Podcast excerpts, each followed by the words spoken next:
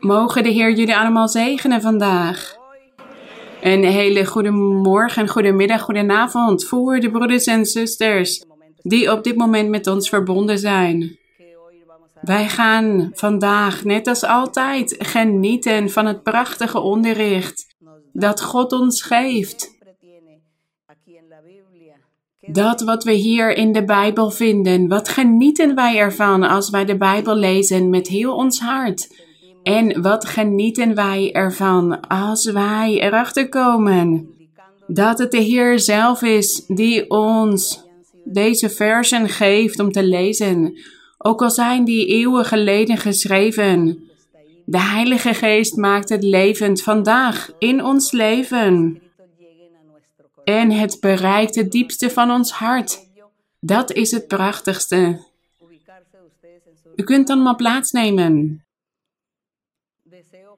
En ik verlang naar dat vandaag, net als elke zondag, dat wij hiervan genieten. Van de lezing en de overdenking van het woord van de Heer, van het onderricht. Maar eerst gaan wij met heel ons hart tot de Heer zingen. Laten we loflied 219 zingen. Dit loflied heet Tel uw zegeningen. Hoeveel zegeningen hebben wij al ontvangen? Ja, we tellen ze niet allemaal. We kunnen ze niet opnoemen. Het zijn er te veel. Want op een voortdurende manier zegent God ons en Hij openbaart zich in alle tijden, in het leven van mensen. En ik geniet ervan als ik de getuigenissen hoor van mensen, van wat God doet in het leven van mensen daar in Europa, mensen die daar geboren zijn, die daar vandaan komen. Hoe God ook aan hen zijn woord aan het openbaren is, zijn weg. Hij laat zijn weg zien, vaak door middel van dromen, en dat is prachtig. En daarna geeft hij hen de kans om de kerk te leren kennen. En dan zeggen die mensen: Ja, ik geloof in God, want ik had hiervan gedroomd. Dat is zo mooi als mensen zeggen: Ik geloof in God. God bestaat, want ik heb een echte ervaring met Hem meegemaakt. Deze ervaring vertelt mij dat God bestaat. Het is niet omdat iemand mij het vertelt, maar omdat ik het zelf heb meegemaakt. Dat is het mooiste als iemand dit zo zegt. De eer zij aan onze God. Wij danken onze Heer, omdat we hier weer mogen zijn.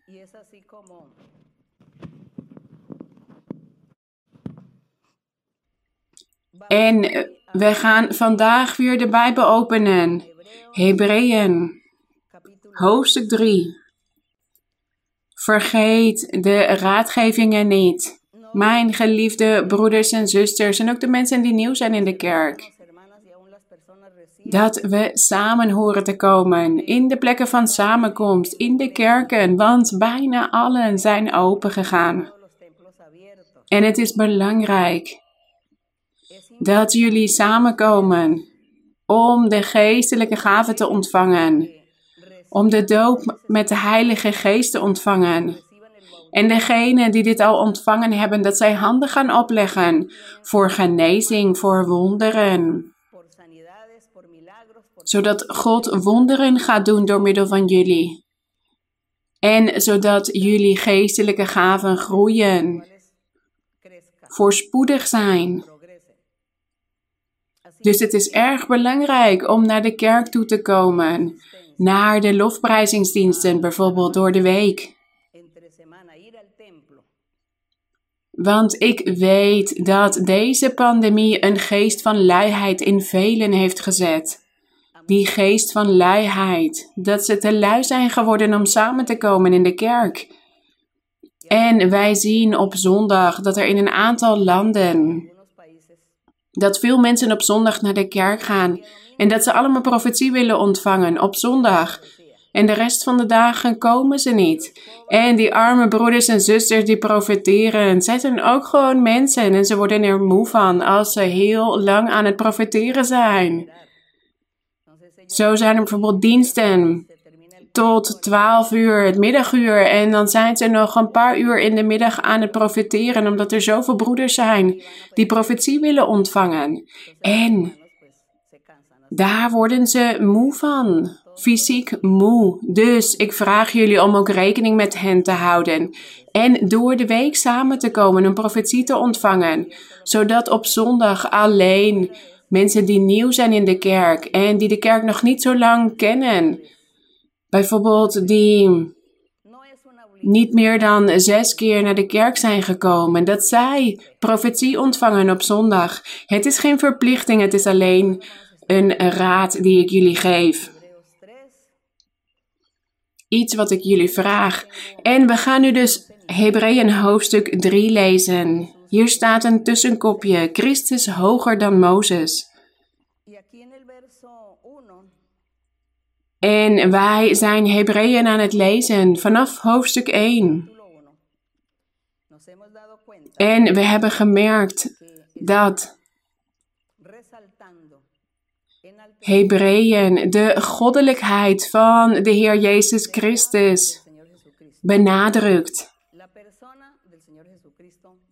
Het gaat over de Heer Jezus Christus, dat prachtige wezen, die goddelijke herder en koning der koningen,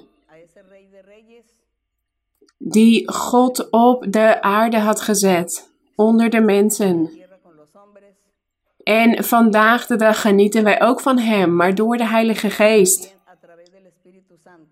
En in hoofdstuk 3 gaat het over hetzelfde onderwerp, over de Heer Jezus Christus. Vers 1. De apostel zegt hier daarom, heilige broeders, deelgenoten aan de hemelse roeping. Vergeet niet, want ja, er zullen ook mensen zijn die nieuw zijn in de kerk. Heilig betekent dat iemand afgezonderd is voor God. Dus dat is iemand die in God gelooft en Hem aanneemt, de weg van het evangelie aanneemt in zijn leven. Dan noemt God hem heilig.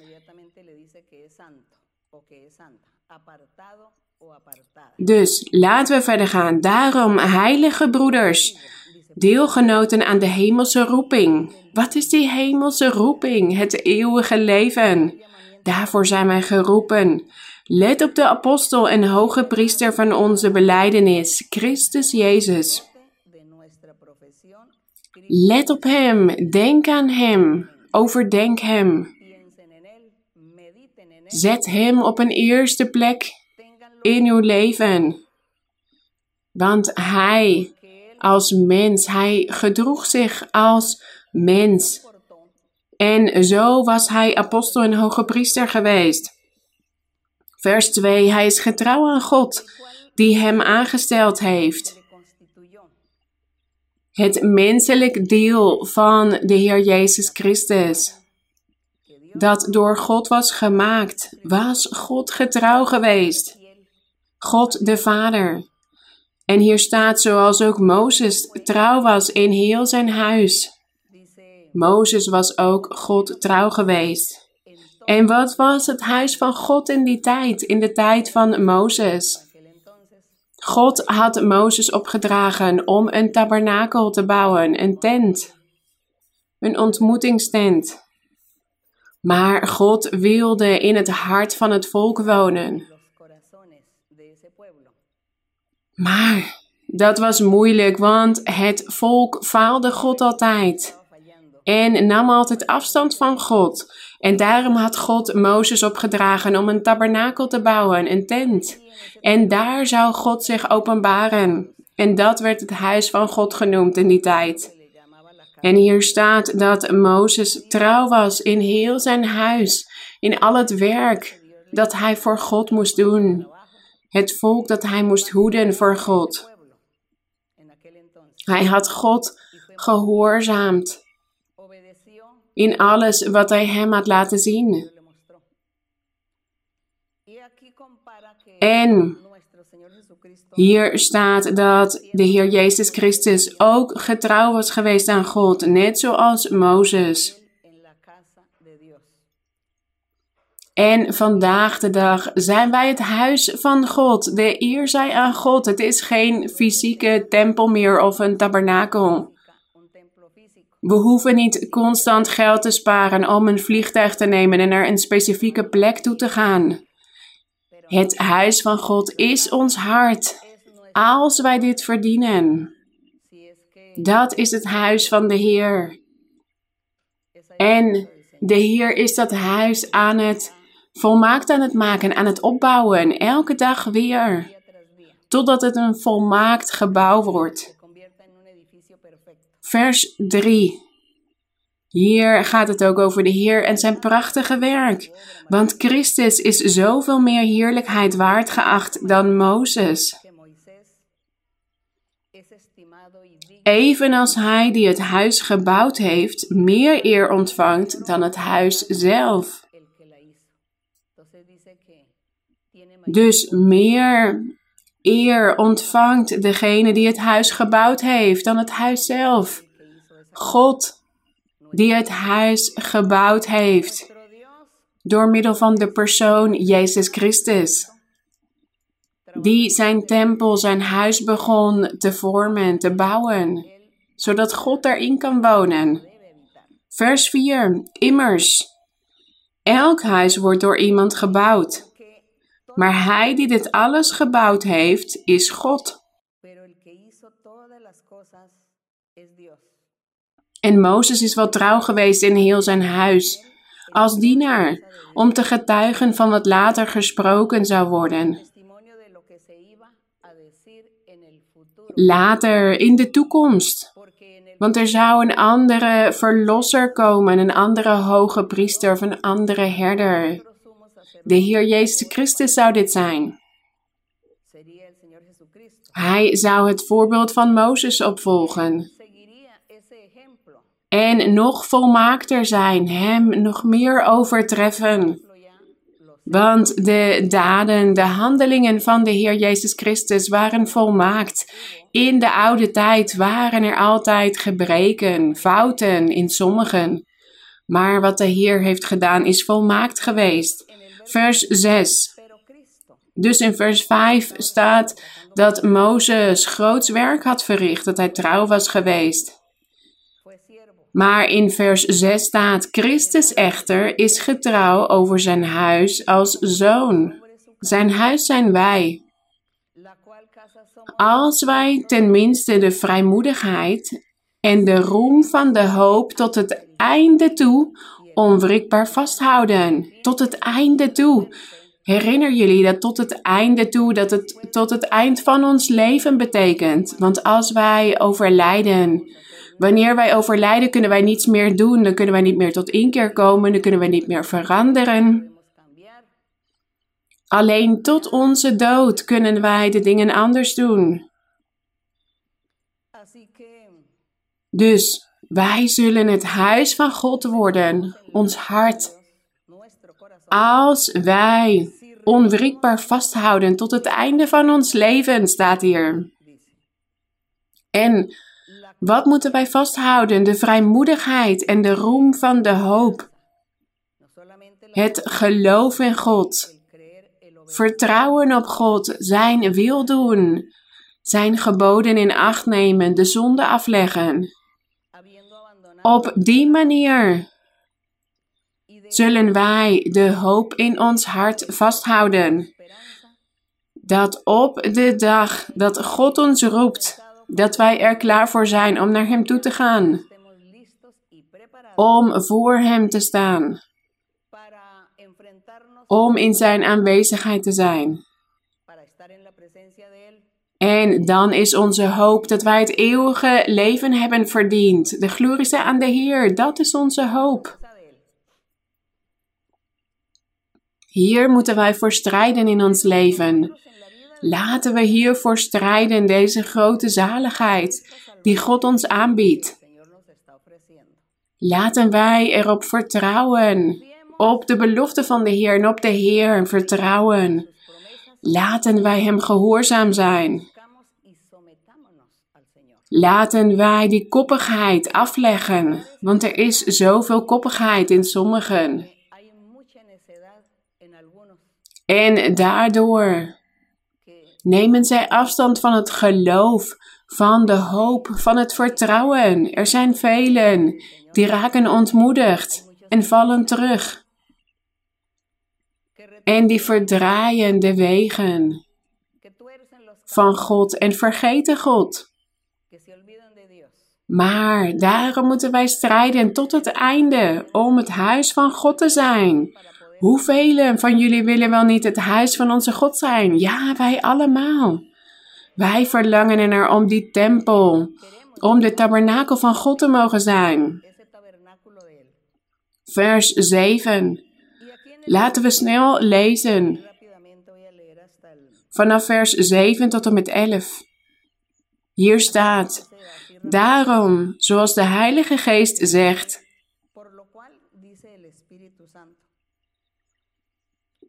Dit staat in Psalm 95, vers 7 tot en met 11. Wat zegt de Heilige Geest?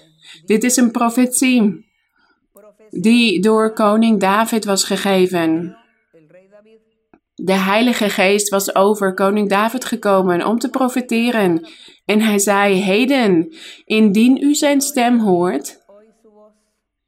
En hoe lang is dit geleden geweest? Hoeveel eeuwen geleden leefde David? En toen hij die profetie gaf, sprak hij over het heden. Maar het was niet het heden van koning David.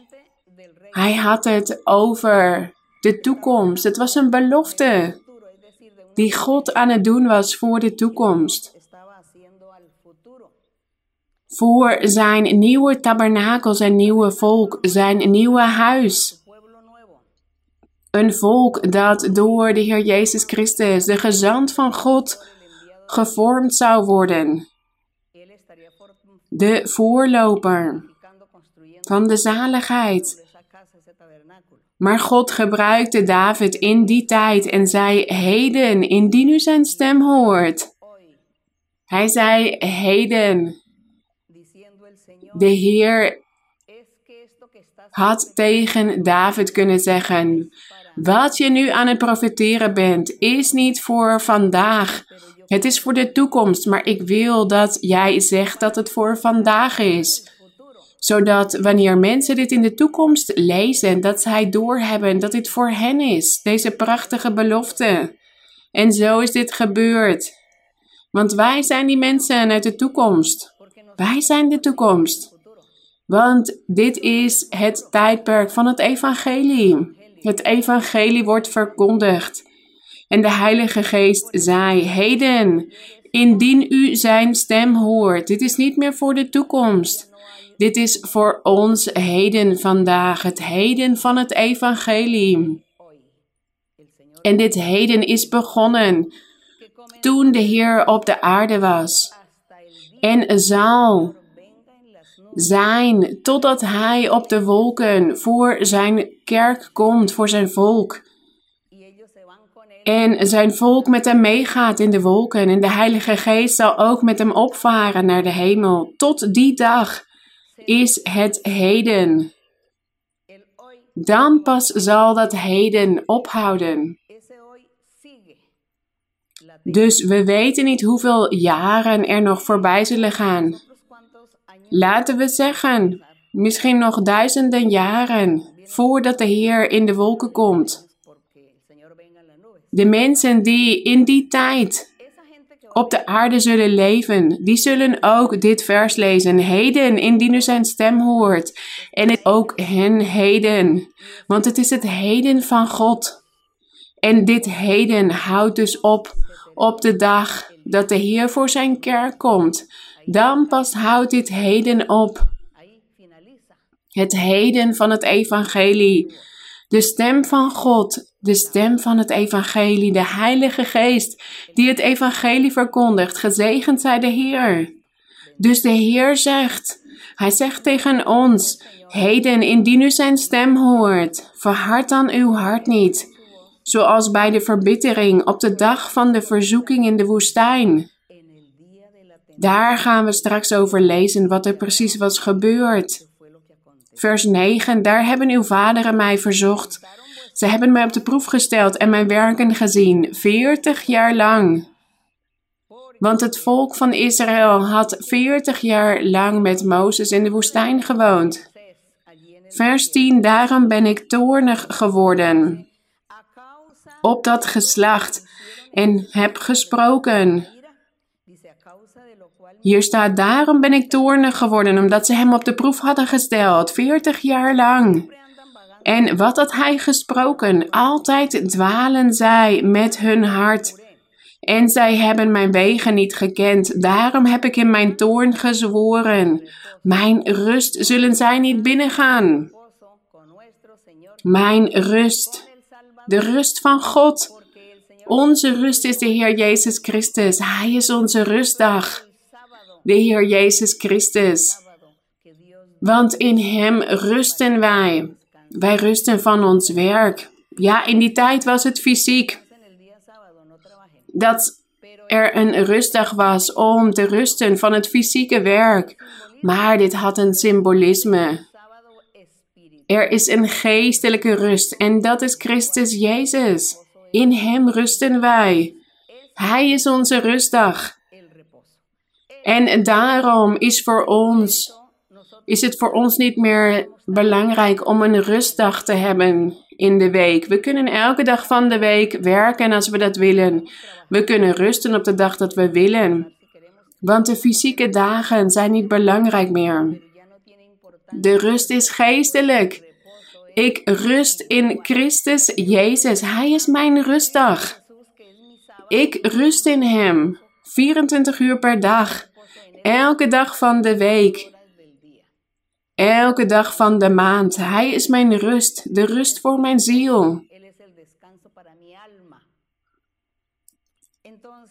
In de oude tijd zei de Heer tegen het volk: Mijn rust zullen zij niet binnengaan, want zij waren ongehoorzaam geweest. En laten we daarover lezen wat er was gebeurd. Waarom had God hen die zegen afgenomen?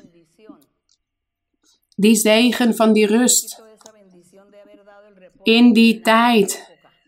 Vanwege de zonde, vanwege ongehoorzaamheid. Maar God had die rust voor de toekomst bestemd. En vandaag de dag genieten wij van deze prachtige rust. Wij danken God daarvoor. En laten we nu in Numeri zoeken, in het Oude Testament. Numeri. Zonder dat we Hebreeën kwijtraken. Laten we Numeri, in Numeri laten we hoofdstuk 14 zoeken.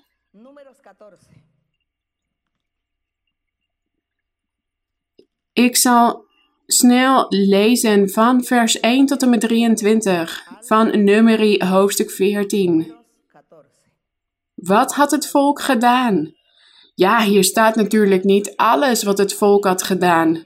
Want dan zouden we de hele Bijbel moeten lezen als het ware. Exodus, Leviticus, Numeri, Deuteronomium, want daar vinden wij de hele geschiedenis over het volk van Israël. En ook die prachtige daden en die prachtige werken van God en zijn geboden, zijn straffen en zijn zegeningen. Alles staat hier geschreven. En God maakt deze schriften levend in ons leven vandaag de dag op een andere manier. Maar wij moeten vandaag de dag net zo goed God gehoorzaam zijn en Hem loven en Zijn wil doen, want anders zal Hij ons ook straffen. En als wij het goed doen, dan zal Hij ons zegenen. Goed, nummerie hoofdstuk 14, vers 1. Toen begon heel de gemeenschap luid te weeklagen. En wat was hier gebeurd? Ik vertel het snel. Mozes was met het volk in het in de woestijn. God had hen uit Egypte laten vertrekken. En zij leefden dus in de woestijn. En ze moesten rondtrekken. En toen zij niets te eten hadden, stuurde God manna naar hen toe, brood uit de hemel. En hij liet ook water verschijnen, tevoorschijn komen uit een rots. Dus de Heer onderhield hen 40 jaar lang in de woestijn. En wat staat hier dus, vers 1? Toen begon heel de gemeenschap luid te weeklagen en bleef het volk in die nacht luid jammeren. Al de Israëlieten moorden tegen Mozes en tegen Aaron. Heel de gemeenschap zei tegen hen. Ja, ze waren allemaal aan het klagen. En wat zeiden zij? Waren wij maar in het land Egypte of in deze woestijn gestorven? Waren wij maar gestorven? Waarom brengt de Heere ons dan naar dit land? Zodat wij door het zwaard vallen en onze vrouwen en onze kleine kinderen tot prooi worden van de vijand. Zou het niet beter voor ons zijn naar Egypte terug te keren? En zij zeiden tegen elkaar: Laten wij een hoofd aanstellen en naar Egypte terugkeren. Want zij zeiden dat ze in Egypte alles hadden gehad: een dak boven hun hoofd, kleding, eten. En dat ze in de woestijn niets hadden. Ze waren aan het klagen. Maar God zag hoe zij moorden tegen Mozes en tegen Aaron. En hij wist dat het tegen God zelf was. Dat zij aan het moorden waren. Vers 5. Toen wierpen Mozes en Aaron zich met hun gezicht ter aarde voor heel de verzamelde gemeenschap van de Israëlieten. En Jozua, de zoon van Nun, en Caleb, de zoon van Jefunne, twee van hen die het land verkend hadden, scheurden hun kleren. Wat was er gebeurd met hen die het land verkend hadden? Mozes had twaalf mannen naar het land van Canaan gestuurd voordat ze er naar binnen gingen om het te verkennen om te zien hoe de bewoners waren en hoe het land was. En hij had dus twaalf mannen gestuurd en ze kwamen terug met slecht nieuws. Ze zeiden: Nee, daar wonen gigantische mensen. Wij zijn als sprinkhanen aan hun voeten. Nee, we kunnen beter niet daar naartoe gaan. Ze zullen ons verslinden. Goed, ze spraken allemaal slechte dingen over het land van Canaan, behalve Jozua en Caleb. Alleen deze twee zeiden tegen Mozes, maar wij weten dat God bij ons is. En omdat God bij ons is, dan zal hij, zal hij ons beschermen. En hij zal ons helpen om dat land in beslag te nemen, om tegen hen te strijden. God zal ons de overwinning geven, want hij heeft het beloofd. Dus zij waren optimistisch geweest en zo hadden ze tot Mozes gesproken. En dat had God behaagd. En hier gaat het dus in vers 6 over hen. Dat zij die het land verkend hadden, hun kleren scheurden en tegen heel de gemeenschap van de Israëlieten zeiden: Het land waar wij doorgetrokken zijn om het te verkennen is een bijzonder goed land. Als de Heere ons genegen is, zal Hij ons in dat land brengen en zal Hij het ons geven, een land dat overvloeit van melk en honing. Alleen Kom tegen de Heere niet in opstand. En u wees niet bevreesd voor de bevolking van het land, want wij zijn ons want zij zijn ons tot voedsel. Hun schaduw is van hen geweken en de Heere is met ons. Wees niet bevreesd voor hen. Dat is wat deze twee mannen tegen het volk zeiden en daarom had God hen beloond. Omdat zij wel op God vertrouwd hadden. Maar vers 10, toen zei heel de gemeenschap dat men hen met stenen moest stenigen. Het volk wilde Jozua en Caleb stenigen, omdat ze goed spraken over het land dat God hen had beloofd. Ze wilden liever luisteren naar die tien die slecht over het land spraken. Maar wat staat hier verderop in vers 10? De heerlijkheid van de Heere verscheen in de tent van ontmoeting voor al de Israëlieten. En de Heere zei tegen Mozes, hoe lang zal dit volk mij nog verwerpen? En hoe lang zullen zij niet in mij geloven? Ondanks al de tekenen die ik in het midden van hen heb gedaan, ik zal het met de pest treffen en ik zal het verstoten en ik zal u tot een groter en machtiger volk maken dan dit is. Dit zijn beloften die God ons ook kan doen vandaag de dag. Dat Hij van ons een groter en machtiger volk maakt. Maar Mozes zei tegen de Heere, dan zullen de Egyptenaren het horen. Immers, u hebt door uw kracht dit volk uit hun midden geleid. Zij zullen het zeggen tegen de inwoners van dit land die gehoord hebben dat u, Heere, in het midden van dit volk bent, dat uw oog in oog gezien wordt, Heere, en dat uw wolk boven hen staat, en dat u overdag in een wolkolom voor hen uitgaat en s'nachts in een vuurkolom. Zou u dit volk als één man doden? Dan zullen de volken die bij u bij geruchten van u gehoord hebben zeggen: omdat de Heere dit volk niet in het land kon brengen dat hij hun gezworen had. Daarom heeft hij hen in de woestijn afgeslacht. Dus hij zei: Heer, als u dit volk gaat vernietigen, dan gaan die andere volken, de Egyptenaren, gaan dan zeggen dat u hen niet in het beloofde land hebt kunnen brengen. Kijk hoe God tot hoe Mozes tot God sprak, alsof hij met een ander mens aan het spreken was. Hij was alles aan het beredeneren.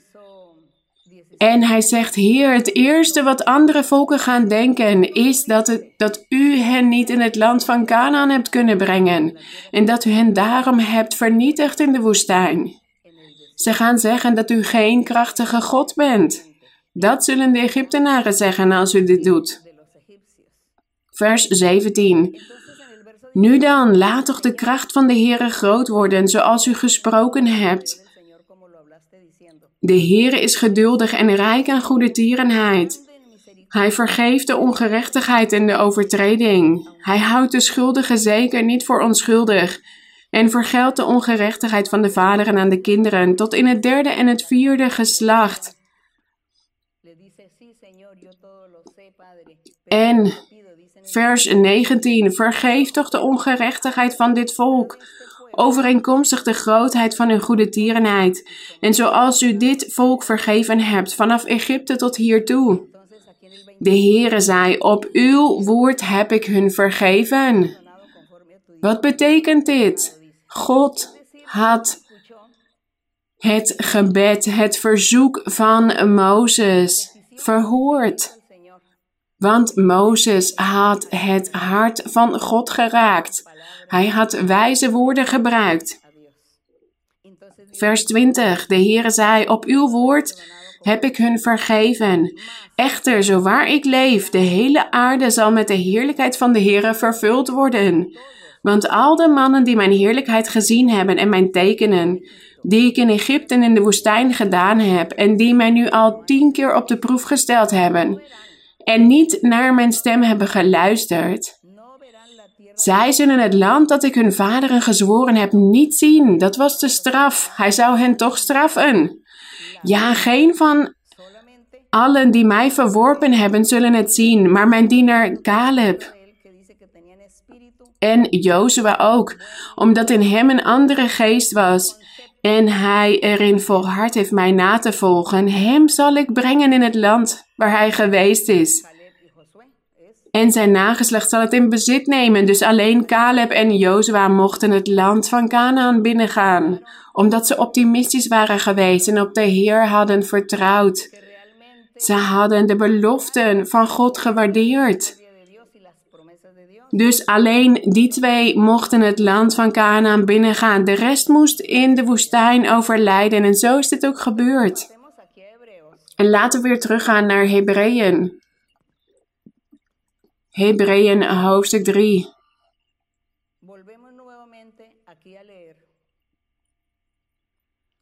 De Heer sprak hier, God sprak hier over zijn Zoon Jezus Christus, de, de beloofde koning, de beloofde zaligmaker. En dat hij hoger was dan Mozes en ook hoger was dan de engelen. En dat geen enkel mens, geen enkel mens dat het woord van God hoort, het evangelie, dat geen mens het woord van God hoort te verwerpen, te minachten. Want we hebben nu net gelezen over de ongehoorzaamheid van het volk van Israël. En daarom zei de Heilige Geest ook bij monden van koning David: Heden, indien u zijn stem hoort, verhard dan uw hart niet, zoals bij de verbittering op de dag van de verzoeking in de woestijn. In vers 8 van Hebreeën hoofdstuk 3. Ze hadden 40 jaar lang de werken van God gezien, maar ze waren opstandig geweest, ongelovig, koppig. Vers 10. Daarom ben ik toornig geworden op dat geslacht en heb gesproken. Altijd dwalen zij met hun hart en ze hebben mijn wegen niet gekend. Daarom heb ik in mijn toorn gezworen, mijn rust zullen zij niet binnengaan. En dit is zo gebeurd. Want ze waren uiteindelijk in de woestijn gestorven. Degenen die het land van Canaan binnen mochten gaan, waren de nieuwe generaties, de kinderen. Vers 12. Zie erop toe, broeders, dat er nooit in iemand van u een verdorven hart zal zijn, vol ongeloof, om daardoor afvallig te worden van de levende God. Dit vers lezen wij vandaag en God maakt het levend in ons. Dit vers van duizenden jaren geleden, van de tijd van Mozes toen hij het volk moest hoeden, was het volk ongelovig. Ze hadden een verdorven hart gehad. Ze zeiden: We hadden beter, we kunnen beter teruggaan naar Egypte, daar hadden we alles. We leefden als slaven, maar we hadden alles. God was hierdoor niet behaagd. Ze vertrouwden niet op God. Ze verwierpen zijn beloften. Zij accepteerden het woord van God niet. En vandaag de dag is het hetzelfde. Vandaag wordt het woord van God ook verkondigd. Zijn beloften. En in vele landen wordt er niet meer in God geloofd. Zij hebben het bestaan van God volledig verworpen. Zal God daar blij mee zijn? Of zal hij boos zijn? Ja, vast en zeker. Maar in zijn barmhartigheid kiest God een groep harten uit. Een groep van mensen die blijven verkondigen, die blijven onderwijzen, die over God blijven spreken, die hun hart bereid hebben voor God. En dan komt God tot iedere, tot ieder persoon en geeft capaciteiten, gezag, kennis, wijsheid om het evangelie te verkondigen. En hij zal zich blijven verkondigen. Hij zal tekenen en wonderen blijven verrichten. En vrede en rust geven aan die mensen. Dat is het belangrijkste. En we moeten dus tot het einde toe vasthouden hieraan, tot het einde van ons leven. Hoe leven wij ons leven hier op aarde? Wij moeten die hoop vasthouden en de hand van God vasthouden op elk moment in ons leven. Daarom staat hier in vers 12: Zie erop toe, broeders, dat er nooit in iemand van u een verdorven hart zal zijn vol ongeloof om daardoor afvallig te worden van de levende God, zoals het volk van Israël in de oude tijd. Nadat zij de kracht van God hadden gezien, de wonderen van God. Vers 13. Maar vermaan elkaar elke dag, zolang men van een heden kan spreken.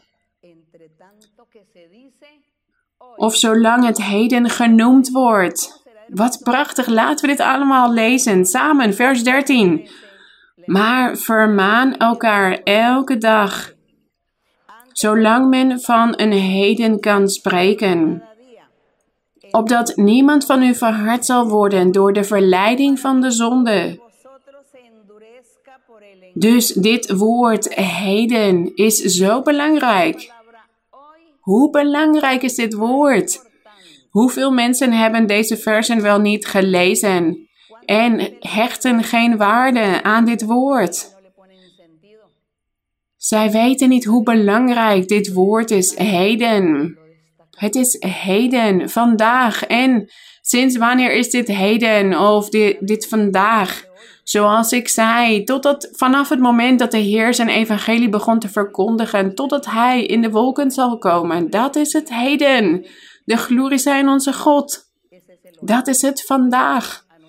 Wat een prachtige geheimenissen van onze God. Hoe spreekt God op een volmaakte manier? En wij staan versteld van de barmhartigheid van onze God, zijn wonderen en zijn woord, zijn beloften.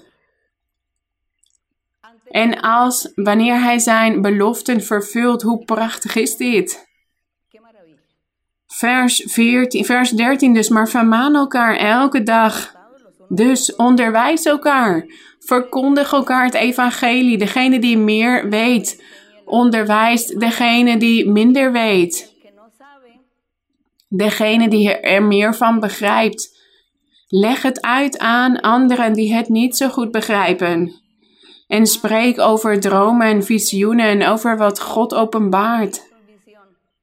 God onderwijst ons op die manier. Hier staat: vermaan elkaar elke dag. Zolang men van een heden kan spreken. Dus laten we de kans benutten. U kunt over God spreken, God overdenken, werken. Veel doen voor anderen, voor elkaar bidden. We moeten het heden benutten. De tijd uitbuiten, want morgen is er geen plek meer. Morgen is er geen kans meer. En wanneer is het morgen? Het morgen is na onze dood. Als wij overlijden, is er geen tijd meer voor ons. We moeten alles doen wat we kunnen, terwijl wij het in het heden zijn. Vers 13 dus. Vermaan elkaar elke dag, opdat niemand van u verhard zal worden door de verleiding van de zonde, want wij hebben deel aan Christus gekregen. Als wij tenminste het beginsel van de vaste grond van het geloof tot het einde van ons leven toe onwrikbaar vasthouden. Terwijl er wordt gezegd, heden, hier gaat het weer over Psalm 95. Terwijl er wordt gezegd, heden, als u zijn stem hoort, verhard dan uw hart niet. Als u de Heilige Geest hoort spreken, want het is de Heilige Geest die tot ons spreekt. Toen u voor het eerst naar de kerk toe kwam, wie heeft toen tot u gesproken? De Heilige Geest. De Heilige Geest spreekt tot ons en hij zal tot ons blijven spreken. Hij zal vandaag blijven werken in ons midden. Dus heden, als u zijn stem hoort, verhard dan uw hart niet, zoals in de verbittering. Hier wordt dit herhaald, vers 16. Want hoewel sommigen die stem gehoord hadden, hebben zij hem verbitterd. Maar niet allen die onder leiding van Mozes uit Egypte waren getrokken. Ja, degene die onder leiding van Mozes uit Egypte waren getrokken, die hadden de Heer verworpen. Maar wat hadden ze allemaal gezien van God? Die plagen die God aan de Egyptenaren had gegeven en hoe God magiërs, tovenaars, sterrenkijkers, bezweerders en wijzen uitdaagde en sterker was dan hen. En ze hadden al die wonderen van God gezien die hij door middel van Mozes had verricht in de woestijn. Maar ze vergaten dit allemaal. Ze verwierpen dit. Vers 17. Op wie is hij dan 40 jaar lang vertoornd geweest? Was het niet op hen die gezondigd hadden, van wie de lichamen zijn gevallen in de woestijn? Ja, ze zijn allemaal in de woestijn overleden. En aan wie heeft hij gezworen dat zij zijn rust niet zouden binnengaan? Dan aan hen die ongehoorzaam geweest waren? Zo zien wij dat zij niet konden ingaan vanwege hun ongeloof. En vandaag is het hetzelfde. Dit is wat de apostel ons onderwijst. Vandaag is het hetzelfde. Als u vandaag ongelovig bent, als u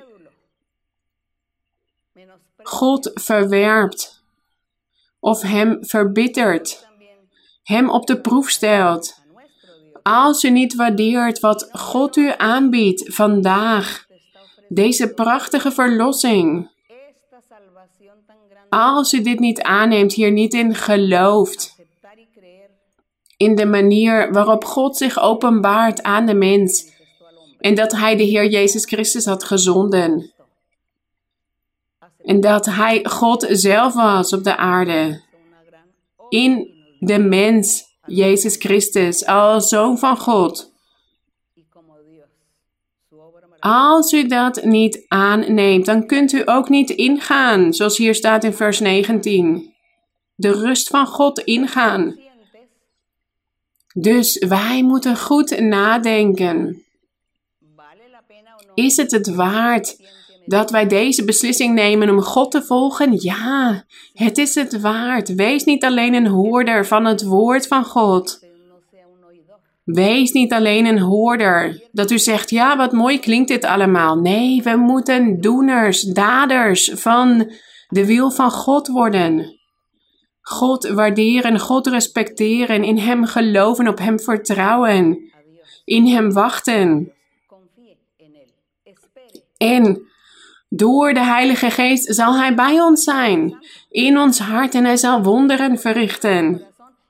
Tekenen, Hij zal barmhartig met ons zijn, in ons leven en Hij zal ons zegenen. Dus ik nodig u uit. Ik nodig jullie allemaal uit, mensen, voor de eerste keer. Om dit prachtige boek te lezen. Er zijn mensen die zeggen: het is uit de mode geraakt, het is verouderd. Er zijn vandaag de dag belangrijkere boeken. En er zijn ook andere religies die hun eigen boek hebben gemaakt. Nee, ik nodig jullie uit, lees de Bijbel. En wanneer u de Bijbel leest, zeg dan tegen God: God is het waar. Wat er in die kerk wordt verkondigd, geef mij dan een ervaring, want ik wil hetzelfde meemaken terwijl ik uw boek lees, de Bijbel. En als u oprecht bent en als u werkelijk de waarheid van God wilt vinden, de weg van de Heer, dan zal God zich openbaren in uw leven. Dan zal God ook in uw leven doen wat u over de kerk hebt gehoord. Er zijn velen die dromen over de kerk en leren daarna de kerk kennen. Wij danken onze God, want Hij helpt ons om te evangeliseren. Hij is het die de mensen naar de kerk toe brengt. Laten we tot Hem bidden. Gezegende God, krachtige God, God van Mozes. Onze God die bij Mozes was geweest. U had Mozes onderwezen en hem verordeningen, bepalingen en wetten gegeven. U had hem opgedragen een volk te vormen. En u had vele regels gegeven. En u had beloofd bij hem te zijn. Hem bij te staan, zodat hij dat werk kon verrichten. Dat werk dat u van voor de grondlegging van de aarde al bepaald had. En Mozes was trouw geweest en heeft u gediend. En zo vandaag de dag. U leeft in ons hart. En uw barmhartigheid en uw liefde is ook bij ons vandaag de dag. In dit heden. En wij genieten ook van uw beloften, van uw woord, van uw regels.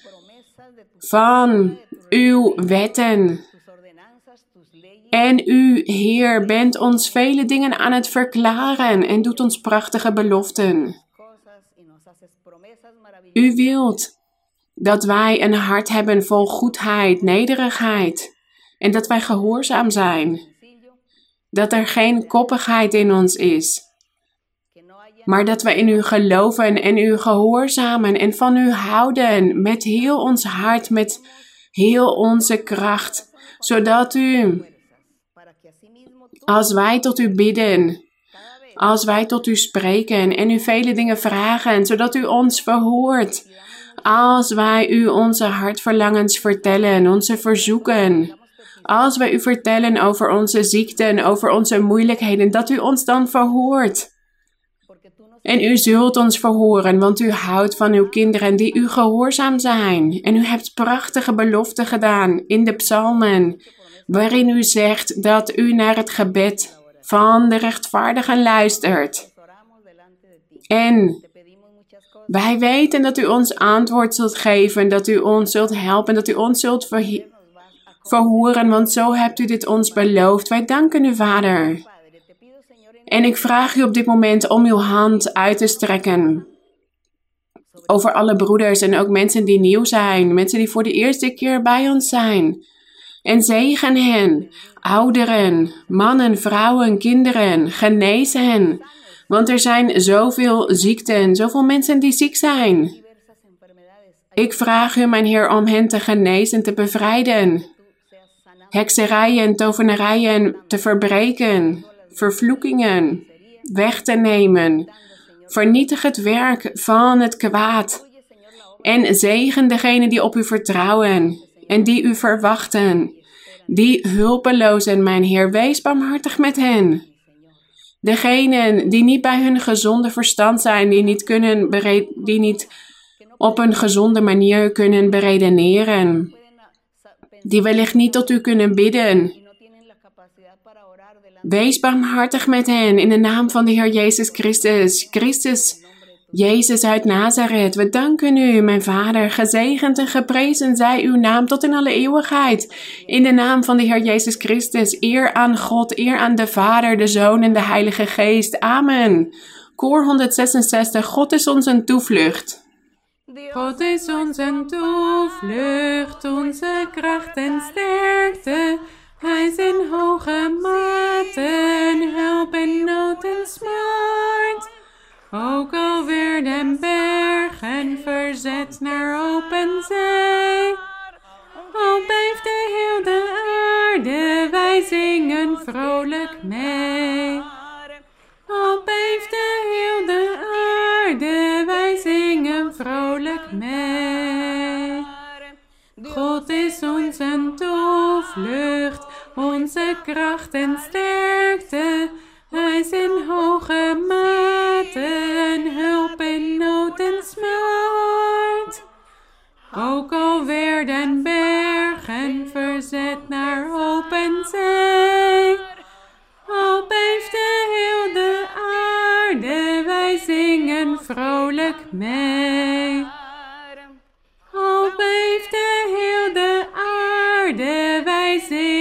Vrolijk mee. De eer zij aan onze God. We danken onze Heer. Dank jullie wel. Mogen God jullie allemaal zegenen, mijn geliefde broeders.